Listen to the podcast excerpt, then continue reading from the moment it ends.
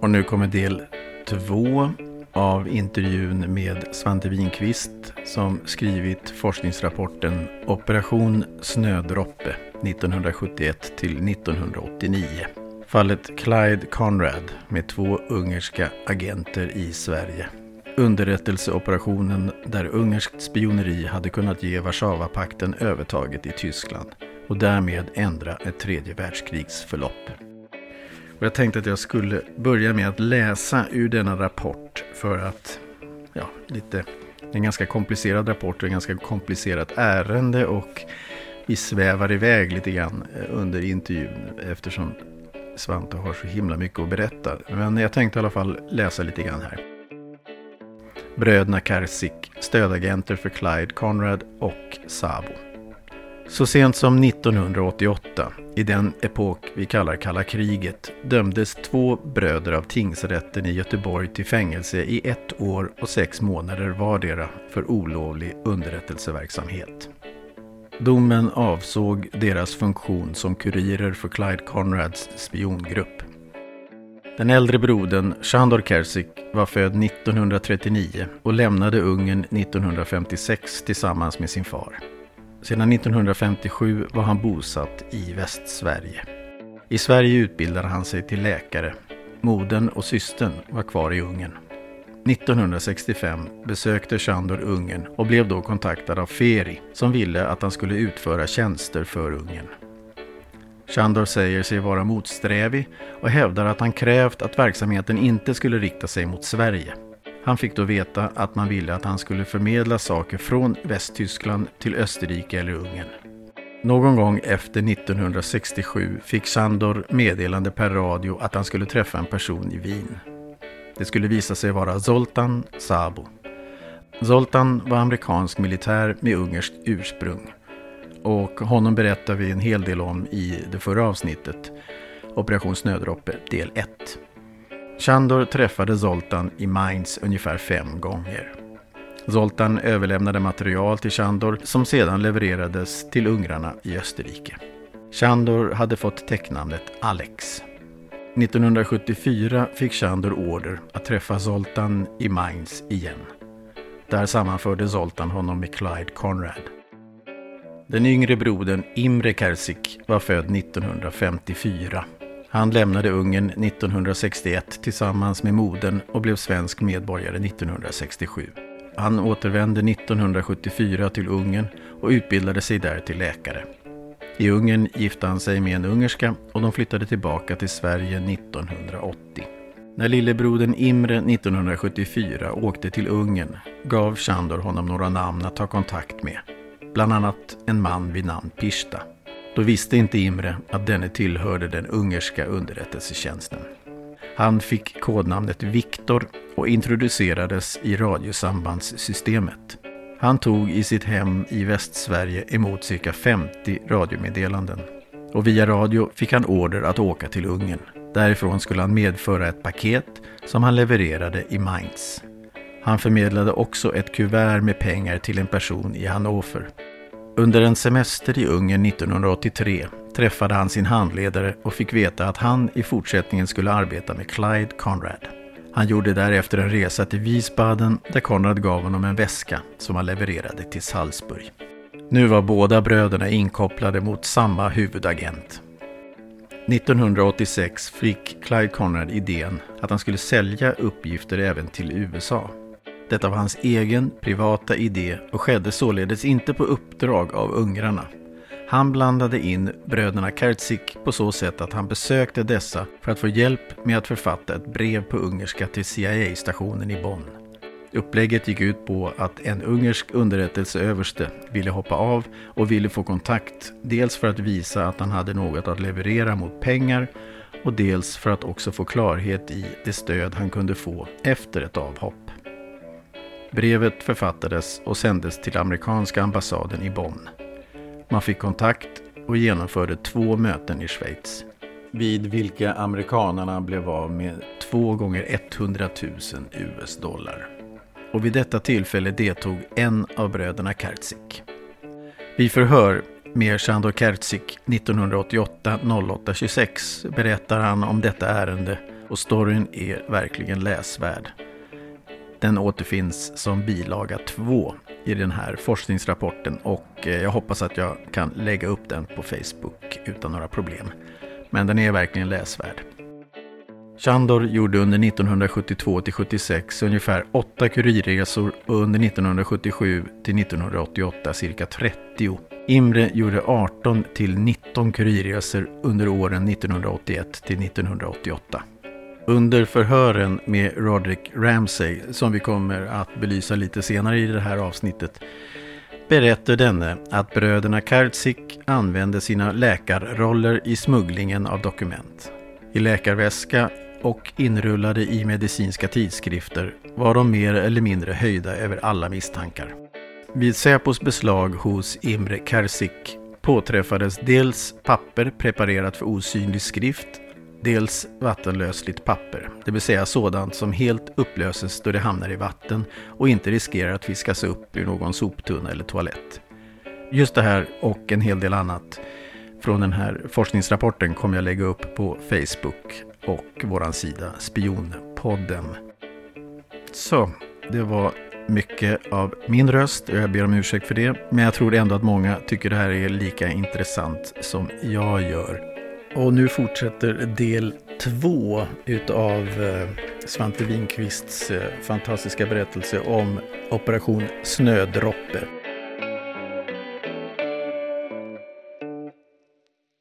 Och det var den här eh, ungraren som, fick med, som lyckades värva Kon, Konrad. Ja, och så sen Konrad som lyckades värva ytterligare som då hjälpte honom. Va?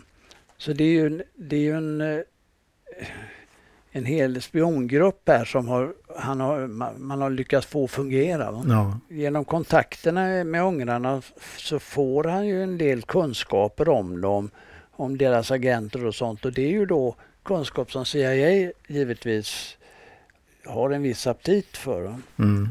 Och då eh, var ju tanken att med hjälp av de här ungerska bröderna försöka sälja den här informationen till, till USA. Va? Och det är ju det som då är ur, ur svensk synpunkt olovlig underrättelseverksamhet till förmån för USA, till nackdel för Ungern i det fallet. Mm. Så de, man kan säga det är ju det, det, det, det ganska unika med det här fallet att folk kan vara misstänkta för brott för både den är, alltså i omvända riktningar. Va? Det är ju ganska ovanligt faktiskt. Mm. För det är fascinerande ändå att se att jag, jag har alltid haft lite grann av en villfarelse av att det inte, var, det inte är så mycket pengar eh, som man tjänar, men, men här pratar vi ju miljontals kronor, hundratusentals dollar eh, som de får åt både ena och det andra hållet. Och Konrad, man hittar väl en massa guldtacker i hans kassavalv ja. i Schweiz. Så att, eh, nog, nog, kan det vara en lönsam verksamhet om man lyckas hålla Men sig. Man kan säga det, det man tjänar i den här branschen om man eh, prostituerar sig för djävulen här. Det, är en, det följer ju en taxa på vad, hur mycket arbete sparar det militärt att få de här underrättelserna. Är det värt en miljon, är det värt två miljoner, är det värt tio miljoner? Sparar man 10 miljoner så är det kanske värt en miljon. Sparar man 100 miljoner, då är det värt ännu mer. Så att det, den, den, här dödsfallsbesparingen till exempel, när man gör ett anfall, den är ju värd rätt mycket då. Mm. Och det, här talar vi om krigförings centrala information egentligen. Det är ju nästan nervinformation att få reda på hur motståndarsidan styr sina kärnvapen till exempel. Hur ser kodsystemen ut och så vidare. Så det är alltså, men medan det är precis som filateli. Antingen köper du frimärken i kilovara eller så köper du ett par riktigt fina märken för ganska mycket pengar. Och här köpte de fin information för mycket pengar. Och den informationen skulle de nästan inte ens kunnat komma över om de hade haft en, mass, eh, en hord av spioner som kartlade en massa detaljer. Här kom de rätt in i kärnan av informationen så att säga. Så det, det var ur sovjetisk eller Warszawapakts synpunkt stor framgång.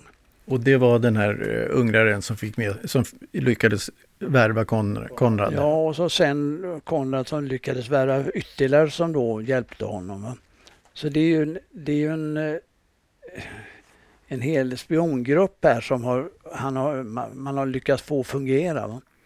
Men nu tänkte jag om vi kunde hoppa till ett, ett, ett, ett, en, ska säga, ett, ett kapitel som jag vet ligger dig väldigt kärt om hjärtat som är otroligt spännande och att höra på hur värmning och sånt där går till. Eh, och vi har varit inne på väldigt mycket om Putin och massa andra saker, men vi har ju kommit in då på det här som heter underagenter. Och eh, en av Konrads underagenter hette Roderick James Ramsey. Vad vet du om honom? Jo, han hade hunnit avsluta sin tjänst i Västtyskland och kommit hem till USA. Och eh, blev, han hade blivit föremål för misstankar och han utreddes av FBI som hade rätt lite att gå på. Och det är ju så att man kommer in ofta för sent och för grunt i många fall eftersom det är så många säkringar och så mycket personskydd och integritetsskydd och så vidare. Man får inte använda sig av för allt för vaga misstankar för att börja hårda utredningar och så vidare. Han hade i alla fall dykt upp bland namnen här och FBI fattade att han hade en roll i den här verksamheten. Exakt vad han hade för roll och vad han hade gjort, det visste man inte så mycket om. Man hade lite vaga hum om det. Man, hade det, han satt väl i rummet med en trevattslampa ungefär och skymtade ett och annat. Och en av dem som då hade i uppdrag att eh, utreda vad han hade gjort och försöka eh, klarlägga det var en FBI-agent som hette Joe Navarro.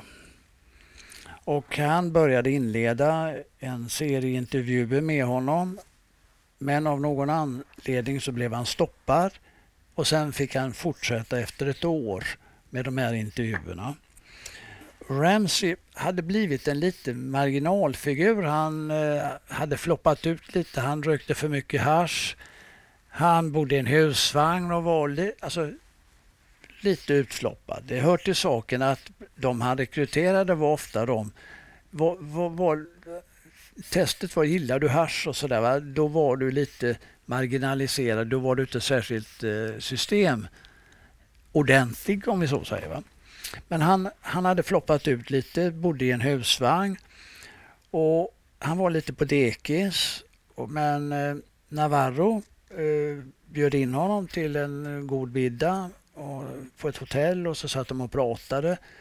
Och han var ju seg tydligen men Navarro var envis och han förstod att Ramsey var inte osvag för kvinnor så han tog med sig en kvinnlig FBI-assistent som på något sätt hjälpte till att mjuka upp Ramsey och de träffades under en serie av tillfällen.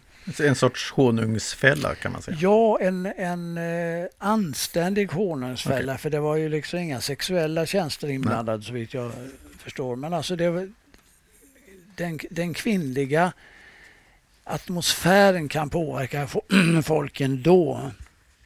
Och så småningom får han dem att berätta ett och annat och det blir ett och annat till och det blir ett och annat till. Så kommer han, jaha, vi var ju över i Österrike på ett ställe som jag tror hette si och så, men jag vet inte säkert. Det var i alla fall en krog som såg ut på det och det sättet. Då skickas det ut spanare som kollar på den orten. Fanns det någon krog med det och det utseendet? Ja, det fanns det. va. Jaha, då har man löst att han talar sanning på den punkten. Och så kommer man vidare. Ja, sen vet jag att att Konrad också hade ett hus i Bad Kreuznach tror jag, men jag vet inte adressen, men det såg ut si och så. Då spanade man fram hur det huset såg ut, tog kontakt med värdinnan och, eller ägaren till huset och kunde konstatera att jajamensan, där hade Konrad haft eh, disponerat någonting. Va? Och då förstod de att han talade sanning och undan för undan för undan rullades det fallet upp, inklusive hans egen roll. Mm. Det skulle föra för långt, jag kan inte alla detaljerna. Nej, men, här, på, det men det är alltså intressant alltså att det, under alla de här vänliga samtalen så släpper han då pusselbit efter pusselbit efter pusselbit. Och till slut kan man alltså säga så här ser pusslet ut. Och då åker han ju fast. Och då ska han arresteras. Och då säger Joe Navarro, jag vill inte vara med vid arresteringen. Det får någon annan göra. För han kände att framgången var att han hade eh, vad heter det? Ramsey hade fått förtroende för Navarro och Navarro har alltså använt detta förtroendet ur polisiär synpunkt då och ville inte vara, vara alltför sadistisk och ställde sig utanför själva den eh, proceduren. Men det var ändå inte värre än att eh, Ramsey sen skickade julkort till Navarro och önskade honom god jul. Så det var alltså på något sätt vänligheten här som hade knäckt spionen. Va? Och jag, det är min, min, min, eh, mitt intryck av ett par fall att vänlighet är mycket, mycket effektivare än att slå folk på knogarna. Jag läser ur Operation Snödroppe 1971 till 1989. Roderick James Ramsey arresterades av FBI den 8 juni 1990 i Tampa, Florida, USA.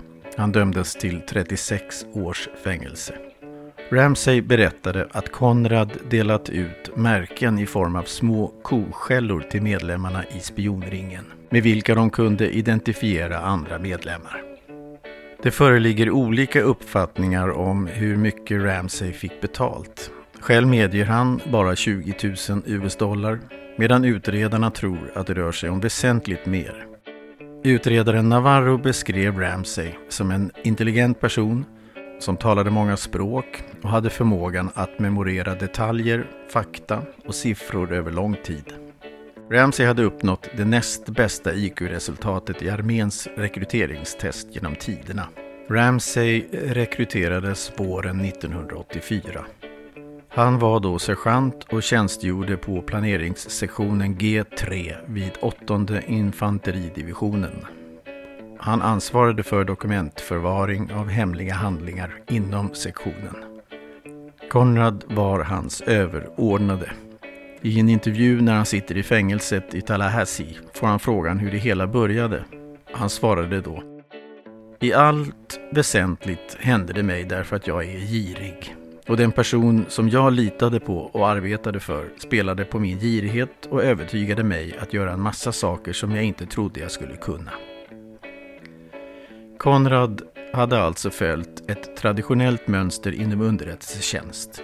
Först hade han bett om enkla tjänster för att steg för steg glida över i rent samarbete. I slutfasen krävde Konrad hemligstämplade papper. Utredaren Joseph Navarro från FBI hade under förhören fått en mer negativ bild av Ramsey. Han påstod att Ramsey sagt att han till och med skulle kunna döda familjemedlemmar för att främja sitt spionage. I hans förflutna fanns förfalskning och snatteri. Han var också misstänkt för att ligga bakom ett framgångsrikt bankrån i Vermont 1981. Utredningen kring Conrads högra hand, Roderick Ramsey, är central för hela detta ärende. När utredningen av honom började hade FBI bara vaga aningar om hans roll. Han bodde på en husvagnscamping under dåliga omständigheter och hade hamnat lite på sidan av livet. Han hade fått lämna armén efter ett urinprov som visade på droganvändning. Under denna höst genomförde Navarro och en kvinnlig medarbetare till honom, Lynn Tremaine, ett antal möten.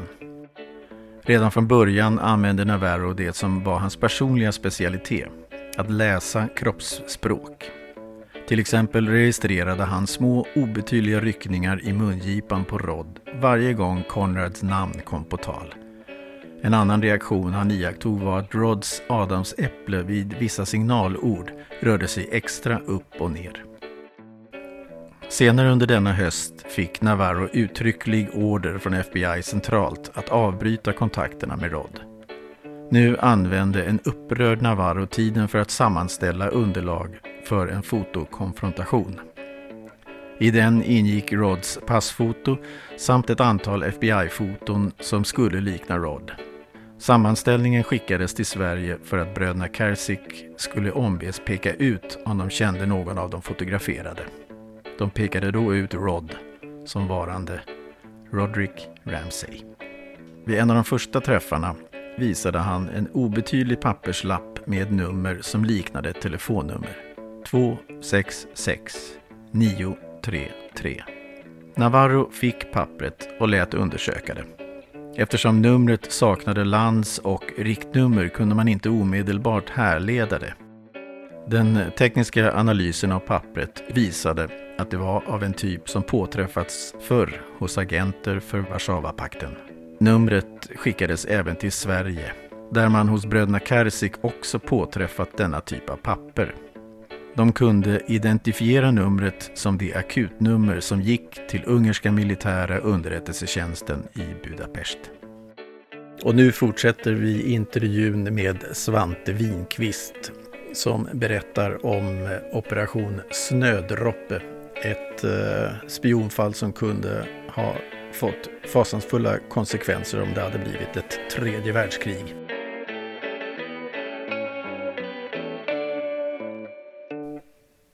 Jag blev bara lite nyfiken på att höra. Förstod inte Ramsey att han, att han var, höll på att bli avklädd? Det tror jag han måste ha begripit. Men man kan ju säga en, en marginaliserad person va? Som, som kanske har tappat lite fotfästet i livet. Va? Det här är hans stora upplevelse i livet. Någon pratar med honom om det. Och han kanske inte alltså, han har ju inga ideologiska lojaliteter att vara lojal mot. Va? Utan det, det får gå som det går. Va? Och det, det, tror jag också en del personer som åker fast för olika saker. Har de liksom inte fotfästet i livet, ja då är inte straff, ett straff lika hårt. Va? De befinner sig i något sorts mentalt och socialt fängelse när de är marginaliserade och därmed inte ett fängelsestraff lika avskräckande. Va? Och därför, därför, tror jag att han nästan medvetet accepterade att, att eh, ge pusselbitarna som blev bevisning mot honom. Men det är en liten spekulation. Men, men den här kvinnliga FBI-agenten som kom in, kan du på något sätt beskriva hur det kan förändra en dynamik? Det är en sak att skryta för andra karar och en annan sak för att skryta inför kvinnor. Och jag, jag tror alltså att en, en, en, kvinna som bekräftar en man i en sån här situation och framförallt en utsatt person då. Och det, det, har inte med sex direkt att göra. Det har med något, något, något lite sexfärgat, vanlig vänlighet i det här fallet.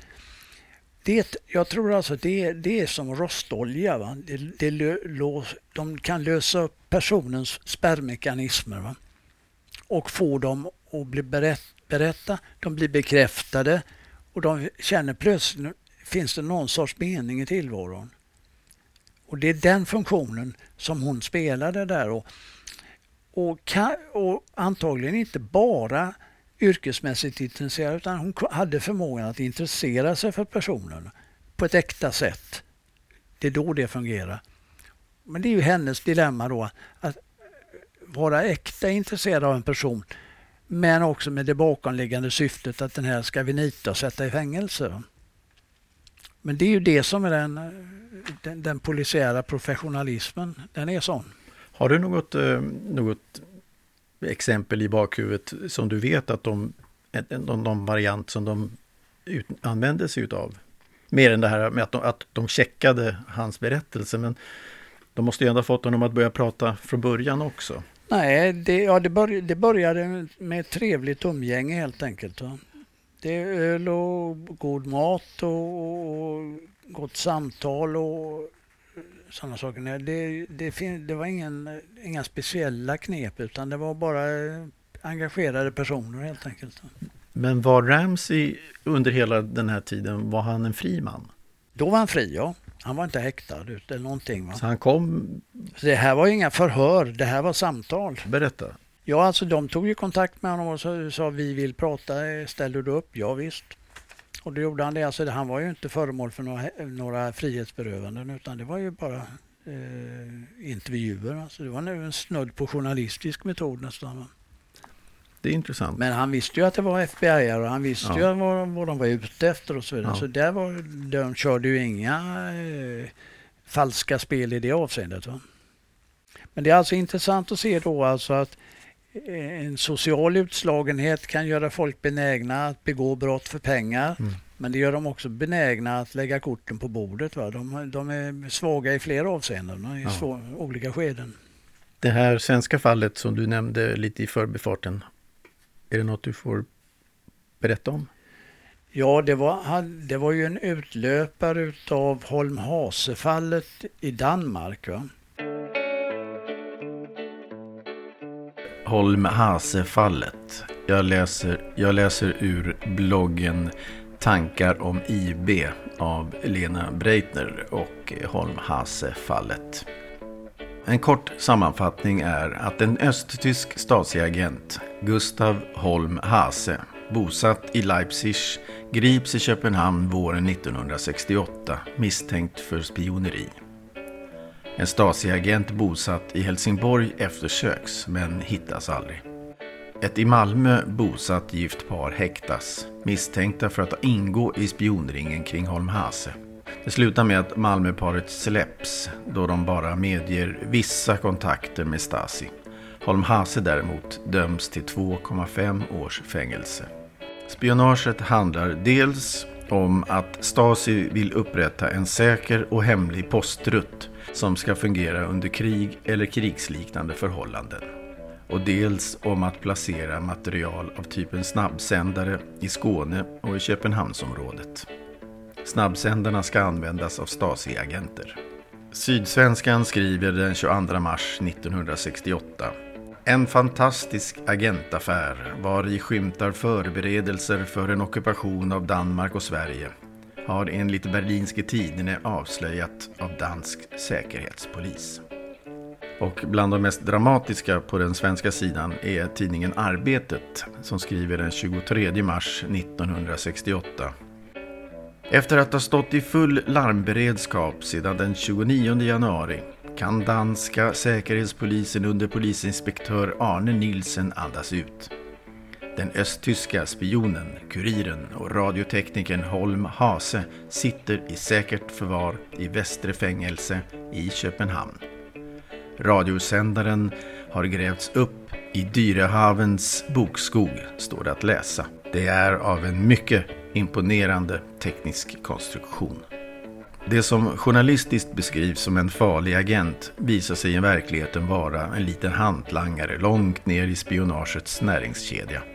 I rättssalen bryter Holm Hase ihop och börjar gråta. Han säger att han vill hem till sin fru och sina barn och att han är rädd för repressalier i DDR, alltså forna Östtyskland. I Sverige dör affären snabbt ut i media, trots att affären i högsta grad berör Sverige och Skåne. Och nu fortsätter vi intervjun med Svante Winqvist som berättar om eh, Operation Snödroppe. Ett eh, spionfall som kunde ha fått fasansfulla konsekvenser om det hade blivit ett tredje världskrig.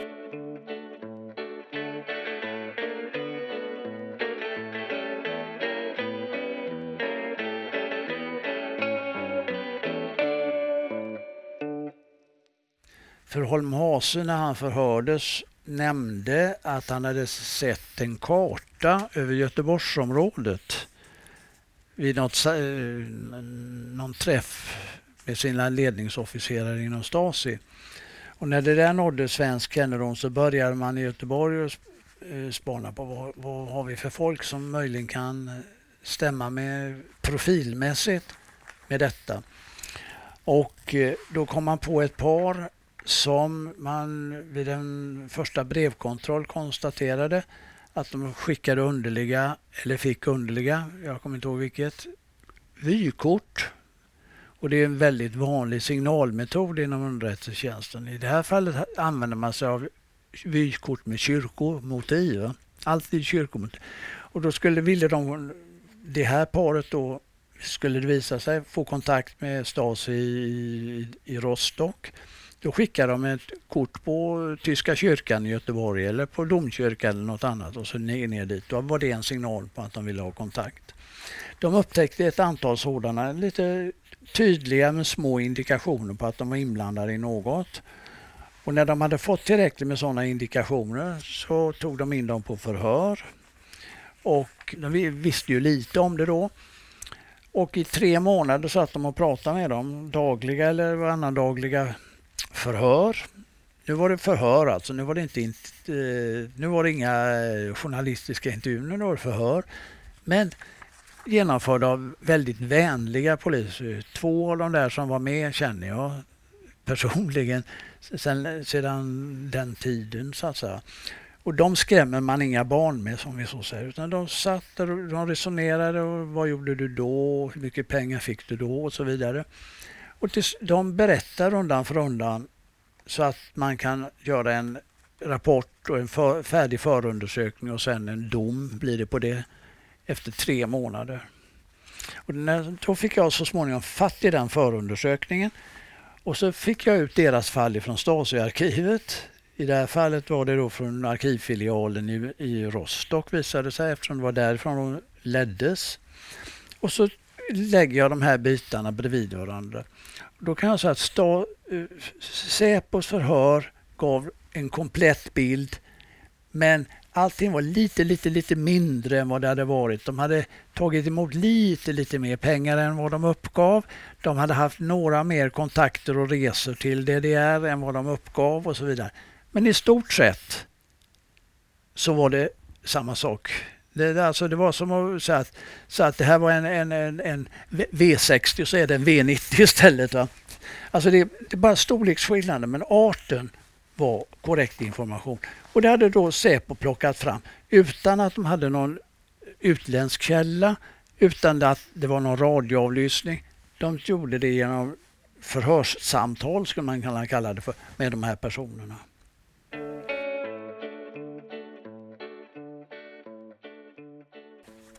Det finns ju modern litteratur som jämför Sovjetunionen och Nato och de här pansarförbanden som skulle duellerat i ett sånt här krig.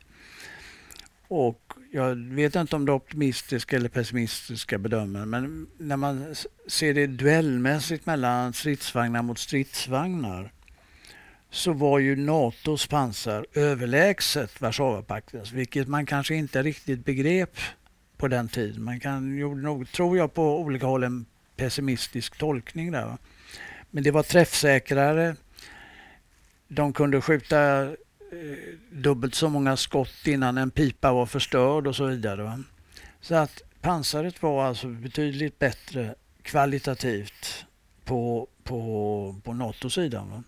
Och det innebär att du, när det hade blivit duellsituationer, vilket det ofrånkomligen blir i sådana här sammanhang, då hade nog ryssarna förlorat eh, så att säga, jag hade nog haft en ett på två proportion åtminstone. Går en NATO-vagn och förlorar så går de åtminstone två Warszawapaktsvagnar förlorade. Va? Men de hade ju ett oerhört kvantitativt övertag, det hade de. Va? Och tar man, får man då initiativet i en stridssituation då hinner man ju slå ut något innan duellerna börjar. Va?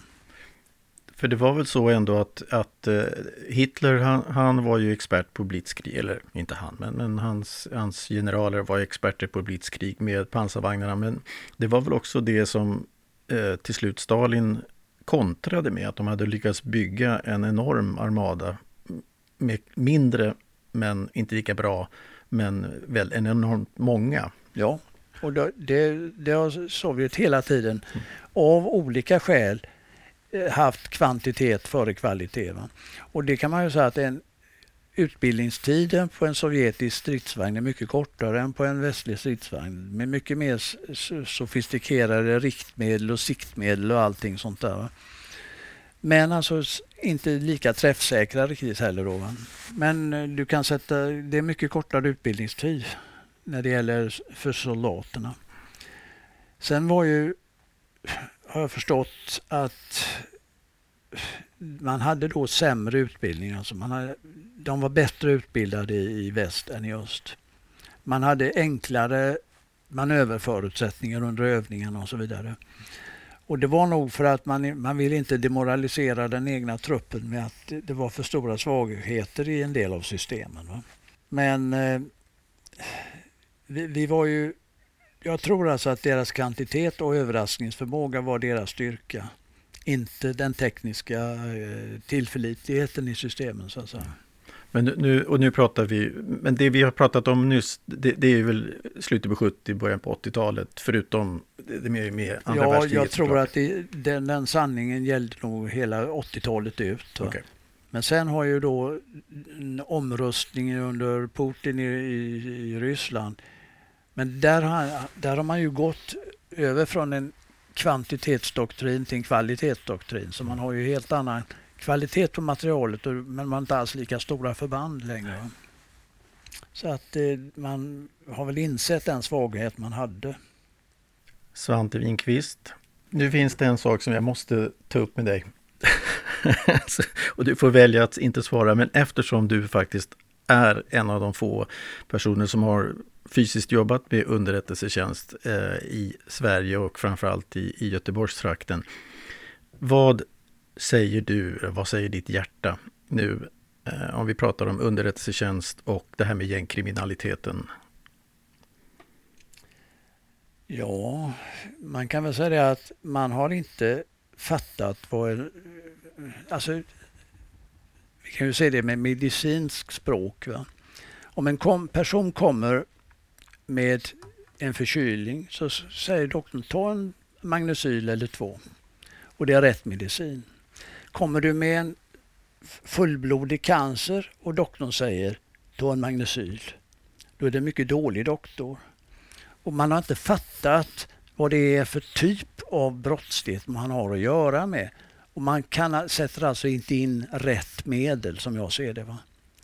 Och det är ju en kombination utav ren och skär krav på repressiva metoder för att stoppa fysiskt en brottslighet som man då inte är beredd av någon sorts harnupen anledning att ta. Att sen få människor som har hamnat i de miljöerna att bli riktiga människor på något sätt, det, kan man, det är inte en repressiv fråga. Det är en fråga om, om så att säga, den jag på säga, nästan terapeutiska behandling som krävs av sådana här personer för att de ska acceptera att det går att leva även utan att man får dagliga kickar utav att skjuta och stjäla och, och, få pengar på olagligt sätt. Va?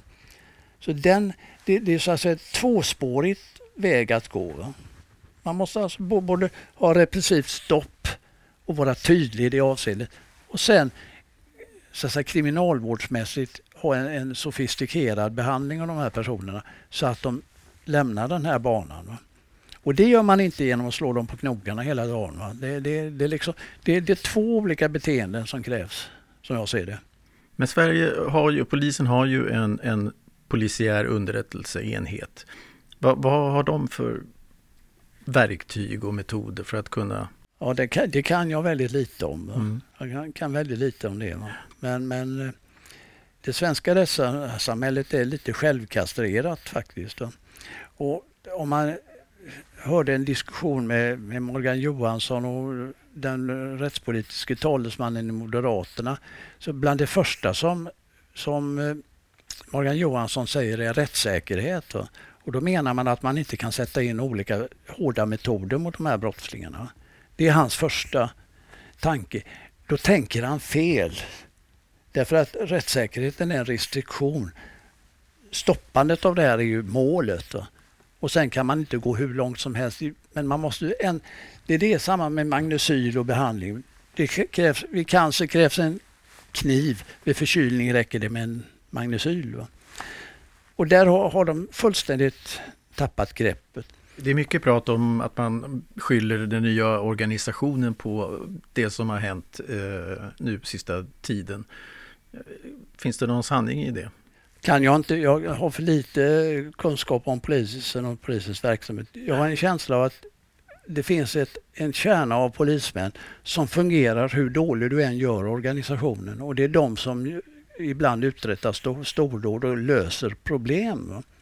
Men sen har du då de här som älskar att hitta fel i den egna organisationen och du får inte använda spillinformation. Du talar för högt till brottslingen. Det ska vara förhandling istället för gapande och sånt där. Va? Och det där är inte bra. Så menar, man, man har låst fast sig vid någon sorts snällism. Va? Och den passar inte i, med de problem som Sverige har idag. Va? Svante, det har varit fantastiskt spännande att få prata med dig eh, ännu en gång. Avslutningsvis tänkte jag höra, är det någonting ur alla 37 avsnitt som vi nu har gjort och som du har varit med i tre utav, eh, finns det någonting som du har lärt dig någonting utav eller någonting som du tycker har varit bra eller dåligt, någonting som, du, som jag kan ta med mig härifrån?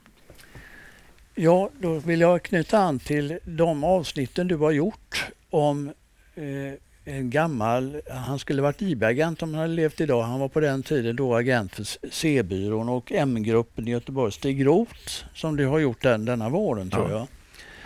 För att jag har ju också ägnat mig lite åt att titta på hur C-byrån och M-gruppen, vad de gjorde här i Västsverige under andra världskriget. Och det som är så fascinerande med detta är att inte ens 19, 2021 så har vi en särskilt bra eller täckande bild av Sveriges roll under andra världskriget. Och antingen var vi pro-tyska så det stänkte om det. Vi har exempel på att överbefälhavaren Törnell ville att Sverige skulle skicka trupp till, ihop med Tyskland mot Sovjet under operation Barbarossa. Eller så var vi flata mot tyskarna och tvingades eller accepterade att släppa in permittenttågen. 2,3 miljoner resor mellan Norge och, och, eh, och, och Tyskland med tyska militärer. Och så vidare. Och så ser man då hur den här C-byråns kontor i Göteborg jobbar i stort sett som nystartad organisation men med erfarna personer. C-byrån i Stockholm hade ju sitt samarbete med tyskarna så vitt jag har sett och de dokument från det som jag har sett i arkiv var ju att vi pratade luft till Tyskland och Tyskland gav oss reala fakta. Bland annat om alla de kommunister som fanns i, hade flytt till Sverige och vad de hade gjort inom ramen för Komintern och vad de visste om det. Och vi pratade väl en del men det var väldigt mager rapportering andra vägen. Det var, var minimum för att få, få ut någonting från tyskarna då. Men det samröret visst var det många som misstänkliggjorde sig. om. Sen vet vi ju att Sverige utbildade polititrupper för Norge från 43. Vi utbildade den danska brigaden från ungefär samma tidpunkt. Och det, det var ju och vi hade 200-300 man på den norska legationen i Stockholm som var erkänd och som filial till Londonregeringen vi gjorde ett antal saker som inte gillades utav Tyskland. Och då M-gruppen i Göteborg som från tidigt eh, skede av kriget börjar förhöra flyktingar som kommer från Norge, skicka tillbaka en del flyktingar för att de ska spionera för svensk räkning i Norge så att vi vet om det, vad det finns för försvarsgrupperingar. De eh, skickar teckningar på, på nybyggda värn. Vi, så vi, vi, håller reda på om det finns trupp stationerad. Är det anfallsgrupperingar eller är det bara rena bevakningsgrupperingar? Vi har en järnkontroll på Östfold framför allt, eh, alltså öster om, om, om eh, Norge. Vi tar emot vapen med, från Royal Air Force, droppar vapen i Dalsland. Vapnen lagras tillfälligt på en frikyrkovind. Med Guds beskydd så befinner sig vapnen där. Olagligt, allt det här är ju olagligt. Allt är olagligt pro forma. Mm. Men en strikt olaglig verksamhet som måste finnas, som Tore Forsberg sa. De vapnen smugglas sen in med bland annat hjälp av svenska tull och gränspoliser mm. in i Norge och blir beväpning av den norska motståndsrörelsen. När den inte fungerar utan man behöver samordna regeringen, ska regeringens arbete från London med Milorgs arbete i Norge, ja då fixar M-gruppen detta. Stig Roth gör det genom att de sammanträffar i hans hus, eller om det var ett apotekarhus i, i Köpmannebro. Och så har de då samordnat sig. Vem gör vad och vad gäller? Vilka sambandsvägar ska vi ha och så vidare. Så att ja, de, enligt Göran så träffades de ganska många gånger också på, på eh, museet mm. där de hade klätt in en dörr med bly, eller om det var koppar, för att det inte skulle kunna höras igenom. Nej, jag, kan tro. jag kan inte allt det där. Nej, nej men det är ganska roligt. Men det, det festliga är ju att det var två museichefer mm. som drev det här. Ja. Gustav Munter på Röska museet och Stig Roth. Ja. Och sen fick ju då, hade flera arbetare där, Harald Nordengren tror jag det var som då fick, fick ett eh, gevär som hade droppats över Norge då. Ett amerikanskt gevär. Så att vapnen gick lite fram och tillbaka och om det var en tackgåva eller vad det var för något det vet jag inte. Men vad vi kan, kan, kan konstatera här alltså att svenska militärer som beskylldes för att vara väldigt eh, pro-tyska och sånt där. Där hade vi ett gäng väldigt provästliga militärer i Göteborg som till och med retade upp C-byrån centralt med att de var för aktiva. Vilket kan ju vara antingen att de tycker att vi tog för stora risker för, för vår egen del här eller också att de var inte så pro pro-brittiska. Det, det, kan man fråga vilket, vilket det, det, påstår Göran eh, att, att man litade inte på C-byrån för där fanns det eh, bruna, bruna officerare. Ja. Men jag, jag, där tror jag dock att det kan finnas en risk att man förväxlar pro, eller tyskvänliga med ja. pronazistiska. Ja. Det, det, där är jättesvårt. Va? Ja, jag ska nog ta tillbaka det där med brun skjorta, men, men jag kommer inte exakt ihåg vad han sa. Det är, det är mm. berättigat att det, det för officerskåren ja. generellt sett var ju inte fri från nazister. Va? Nej. Och det fanns ju inte minst inom flottan i Göteborg fanns det mm. nazistceller som var alltså, de var erkända nazister. Mm. Det var ju en grupp i Göteborg som skulle bilda någon sorts planer på, i någon av fraktionerna. Och de sammanträdde på en lägenhet, i en lägenhet uppe på Kungshöjd och så vidare. Va? Så att det fanns ju grund för faror på alla håll där. Va? Ja, det är otroligt. Jag hade en, en kamrat vars föräldrar bodde på första Långgatan 8 tror jag det var, ja. 1940 och de, han fick störningar på ljuset och alla möjliga saker och konstiga ljud och då kör polisens eh, spaning upp där och konstaterar att det bor en tysk radioagent. Och så åker han fast.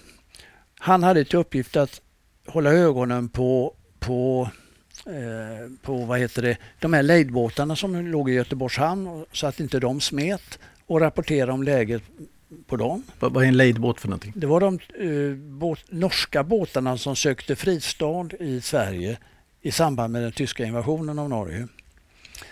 Ja, hur det gick med honom sen det har jag ingen aning om. Men den här kompisen som vars föräldrar upplevde den här lilla incidenten, han hamnade naturligen då på FRA förstås.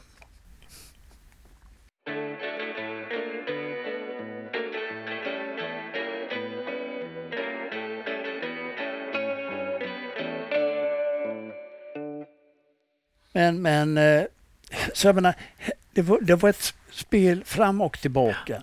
Och den, den viktigaste grejen jag tycker här det är att konstatera att vi hamnade i ett antal dåliga situationer på grund av bristande förutseende, bristande förplanering och förberedelse. 1933 började Hitler upprusta. Vad var mottot i politiken då från Per Albin Hansson? Jo, det var inte en krona, inte ett öre till militären. Så blev det en pacifistisk näve över försvarspolitiken ända fram till 38 i stort sett. Så Hitler fick sett relativt Sverige då fyra, fem års försprång i rustningen. Och vad ledde det till? Jo, Sverige går ju och köper pansarskepp från det fascistiska Mussolini i Italien. Det beviljar denna statsminister anslag till därför att han har försatt landet i en skitsituation med den här pacifistiska politiken och vägrar att inse att Hitler umgås man inte med på ett kafferep. Han är en krigare och han måste man kunna kriga mot. Annars kör han över en.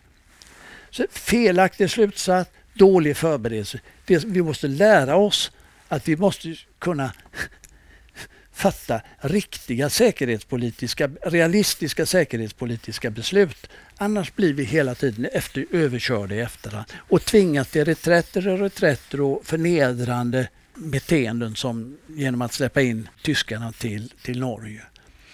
Och samtidigt så är det ju då det här ska vi säga, halvt civila motståndet som då M-gruppen gör, eh, som, som han som startade polistrupperna var det, han som var chef för eh, kriminaltekniska anstalten. Jag har det här borta, ja, men i alla fall. Han gick till socialminister Möller och sa det. De norska pojkarna mår inte bra i flyktinglägren. Vi behöver göra någonting så att de mår bra. De kan ju tänkas vi kör lite skjutövningar med dem. Ja, det var väl en bra idé, säger socialministern. Och han tar initiativet, köper 10 000 vapen från Finland, tror jag det var. Och så börjar man militärutbildning i form av formellt polisutbildning i ett antal, 15-16 olika eh, norska flyktingläger. Då. I Sverige? I Sverige. Samtidigt utbildar man då den danska brigaden i, i Skåne och i Ronneby och lite sådana ställen på ett liknande sätt. Då. Så där finns, i, norrmännen var väl 13 000 eller någonting sådant och danskarna 5 000 man när kriget upphörde. De kom inte mycket i allvarlig strid men eh, de norska, eh, ena norska bataljonen gick ju in i Finnmark, avlöste ryssarna men också med baktanken att inte ryssarna skulle bita sig fast där men ändå med ryssarnas goda minne. Man hade ett eh, samband med ryssarna från Kallax och så är det okej okay att vi kör in dem? För de hade gått in en bit i Telemark. Ja, det är okej. Okay. Så man fick uppgjort med ryssarna och så gick de polistrupperna in där. Det var Harry, Harry Söderman hette han. Och han var då chef för kriminaltekniken. Han gjorde detta väldigt mycket på eget bevåg, egna initiativ. Han åkte till Oslo när de, tyskarna kapitulerade. Var vänlig och ge mig era fångar här nu. Jaha, jaha, jaha. Har du några befogenheter? frågade de inte. Han tog sig befogenheterna och såg till att fångar frigavs ifrån eh, Victoria terrass eller vad det hette. Var det de här um, 120 tyska radiosignalister? Det, de, de var i Lillehammer, det är en annan, det var Lillehammer, affär. Ja, en annan affär. Så att, men där har du alltså en person som representerar en form av civilt... Han har en moralisk kompass men han har inga byråkratiska begränsningar. Va? Och det är de personerna som på något sätt slussar landet ur det här moraset som en dålig säkerhetspolitik har inneburit. Den roliga grejen är ju då hur det var inom luftvärnet. Det, det är en osann kanske historia men det var ju amerikanarna som flög tillbaka efter att ha bombat Berlin, genade över Sverige. Och det fick de ju inte göra och då sköt luftvärnet på dem. Och eh, då rapporterar amerikanerna till det svenska luftvärnet. Ja, ni skjuter för lågt. Eh, eh, ja, vi vet, sa de. Så det var, och det var lite, det har jag, det har hört om alltså att de har vä vägrade att skjuta, de sköt bredvid, alltså många luftvärnssoldater, när det var allierade. Och det, det är ju den, den typen av beteende då som blir en räddningsplanka. Va? Men det är inte formellt sanktionerat. Men, men, men det här med de här, de här hundra i Lillehammer, vad, vad är det för sanning i, i den historien egentligen? Och, och jag kan inte ett dugg om den, så jag har ingen som helst aning. Nej. Jag, jag, eh... Vi skiter i det. Jag vill bara säga, jag tycker det här var ett fantastiskt bra avsnitt. Det blir säkert två, två avsnitt. Eh, som vanligt Svante är det, kan vi fortsätta prata hur länge som helst. Nu känner jag till och med att min röst börjar ge vika. Så eh, stort tack Svante, verkligen. Ja. Tack för att du ställde upp en gång till. Det blev, vi utvidgade ju ämnet lite. Ja, jättekul. Ja. Kan inte du bara säga tack så mycket? Tack så mycket. Varsågod. och glöm inte att gå in på Facebook, Spionpodden, eller och Instagram, spion.podden. Där försöker jag som vanligt eh, lägga upp lite extra material från varje avsnitt. Tills nästa gång, hej!